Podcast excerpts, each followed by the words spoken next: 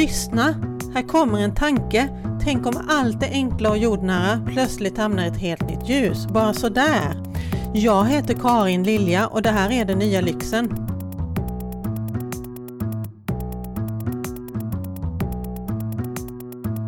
För ungefär 20 år sedan var jag i Cannes i Frankrike på en tjänsteresa. Det var tv-festival och vi försökte sälja en animerad webbserie. Det gick åt helvete. Men det är en annan historia. Och i vilket fall som helst så var jag och min kollega Kristina inte de rikaste tjejerna i viken. Men vi förstod att roa oss ändå med bad i Medelhavet och seriös fönstershopping. Jag hade i några års tid hängt med människor som hade en komfortabel förmögenhet, alltså sådana som aldrig tänker två gånger vad en kaffe på stan kostar och som köper en tröja bara för att den är snygg och passar helt oavsett prislapp. Så jag visste ju sig att det fanns rika människor och att det fanns något som hette upmarket och luxury brands och sådär. Så även om jag själv aldrig varit jättetät. Min eh, kollega Kristina hade en bakgrund som libanesisk flykting och gjorde först senare en fantastisk karriär inom PR men redan där och då så visade hon upp en säker känsla för det goda livet. Och vi njöt i fulla drag av miljön och kollade in lyxjottar och välklädda människor och skaldjursplatåer. När vi inte slet sulorna i, de stora, i det stora festivalområdet och försökte kränga vår film. Kontrasten mellan vi som eh, kostnadsmedvetna entreprenörer och kan miljardärernas lekplats blev allt mer absurd. Vi vände på varenda frang medan andra köpte halsband för 60 000 kronor. Vi ville glassa och tog oss in på någon av strandrestaurangerna och köpte kruditeter för våra sista slantar. Alltså det som på svenska heter grönsaksstavar med dipp. Ja, kanske lite futtigt, men vad gjorde det? Vi fick känna smaken av en lyxigare tillvaro. Så, vad är lyx då? Svenska Akademins ordlista beskriver det som prakt, yppighet, överflöd och ofta något onödigt. Svensk ordbok beskriver lyx som något överdrivet, en påkostad elegans, bekvämlighet. Svenska Akademins ordbok har en lång artikel om ordet lyx och exemplen citerar man exempelvis Svenska Dagbladet från 1930 där det står Har man ont om pengar så är lyxen det första man upphör att köpa om man beskriver att en lyxartikel, det är motsatsen till en behovsartikel. Och här kommer ett exemplet från Svenska Dagbladet igen, där man 1933 skriver man får det intrycket att fortsättningsskolan på landsbygden är i en stor utsträckning meningslös lyxartikel. En eh, så kallad lyxhund är motsatsen till en nyttohund och en lyxdocka det är en kvinna som klär sig luxuöst och lever ett lyxbetonat och för övrigt innehållslöst liv enligt akademin. Ja, det verkar som om ordboksredaktionen inte har så mycket till övers för lyx. Själva ordet lyx ja, det kommer från latinets luxus och det betyder överflöd. Och luxus betyder från början vriden ur led. Den som bringades ur sitt vanliga läge, den som svävade ut, den som levde i lyx och därför fick den även betydelsen då, alltså yppighet och prakt. Men läkarna har faktiskt behållit ursprungsbetydelsen och när du hör vården säga något om en luxation i leden, ja då är helt enkelt leden ur led.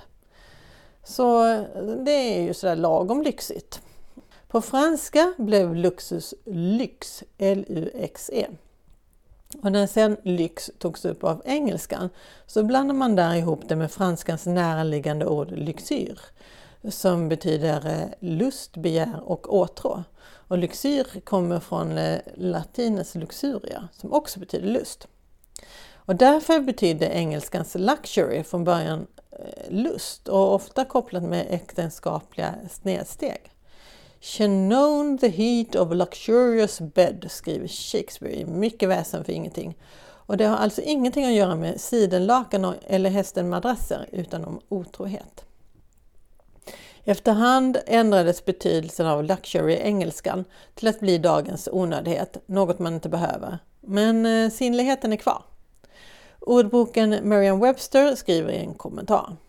Om lyx från början handlade om fysiska nöjen och sedan förflyttades till de materiella så har sinnens nöjen alltid varit roten till hur vi kommit att förstå det här ordet. Ja, tyskarna de behöll det latinska ordet för lyx och det var luxus vi sa då ordet började användas i svenskan under 1600-talet eftersom vi var så påverkade av tyskarna. Men vi i Sverige blandade franskan och tyskan ändå rätt friskt och Strindberg använde ordet luxus medan Linné använde fransk lyx. Och någon gång vid förra århundradets slut så började vi använda ordet lyx som vi gör idag. Även om svenskan inte har haft engelskans ekivoka förståelse av lyx så har lyx sedan romartiden handlat om något som varit utanför det vanliga. Något extraordinärt, ja något onödigt. Säga vad man vill om briljant slipade diamanter, men vad har man dem till? Är de inte totalt onödiga?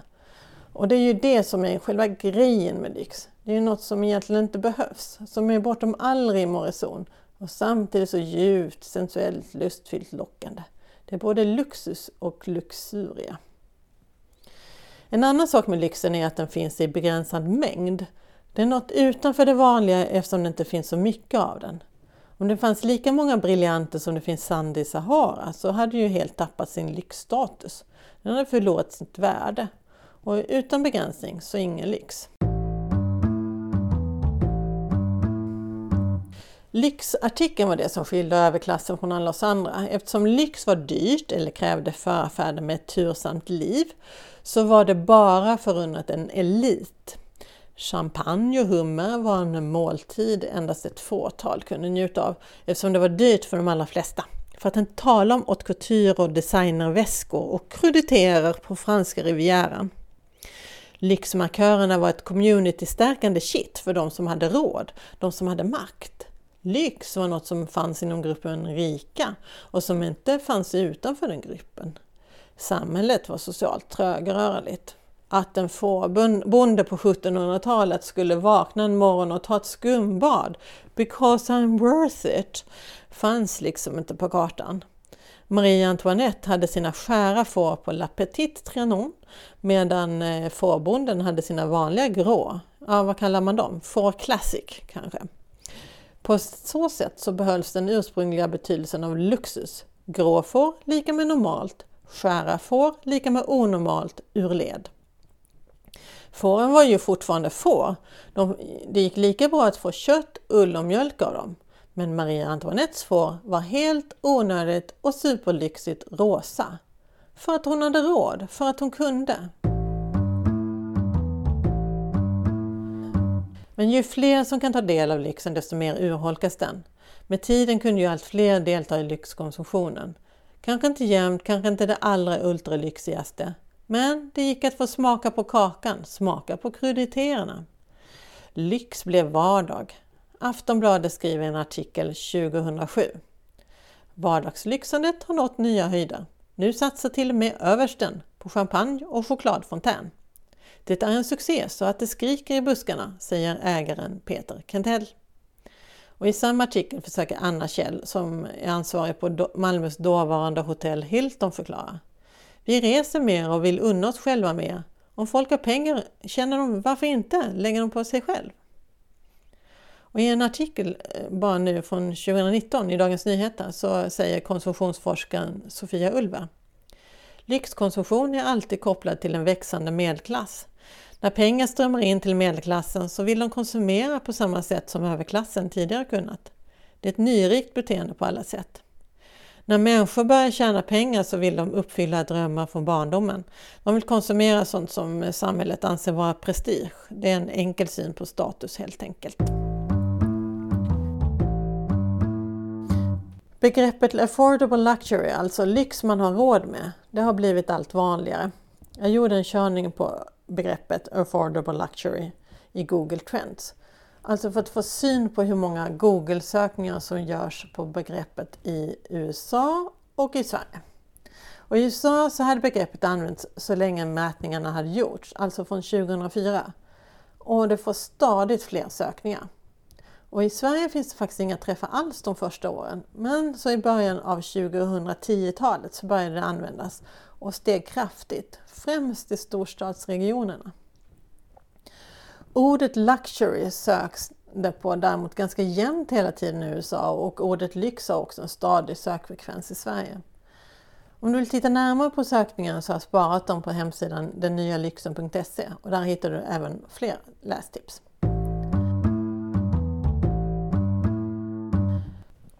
Så lyxen har vandrat en lång väg. Från romarnas överflöd som en anomali till något som är vanligt, något tillgängligt och normalt. I varje fall för en växande medelklass. Stackars lyxen! Har lyxen blivit passé? Har lyxen slutat att vara lyxig? Nej, men lyxen har blivit gammal. Den är inte modern längre. Det är dags för en ny lyx, för en samtid och nya förutsättningar som varken romarna eller Shakespeare kunde drömma om. Det är dags för den nya lyxen att ta plats på scen.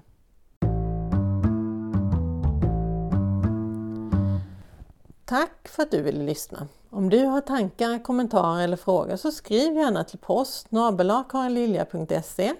eller kommentera på webbsidan dennyalyxen.se. Du kan också kommentera på facebook.com den nya lyxen. Hej då!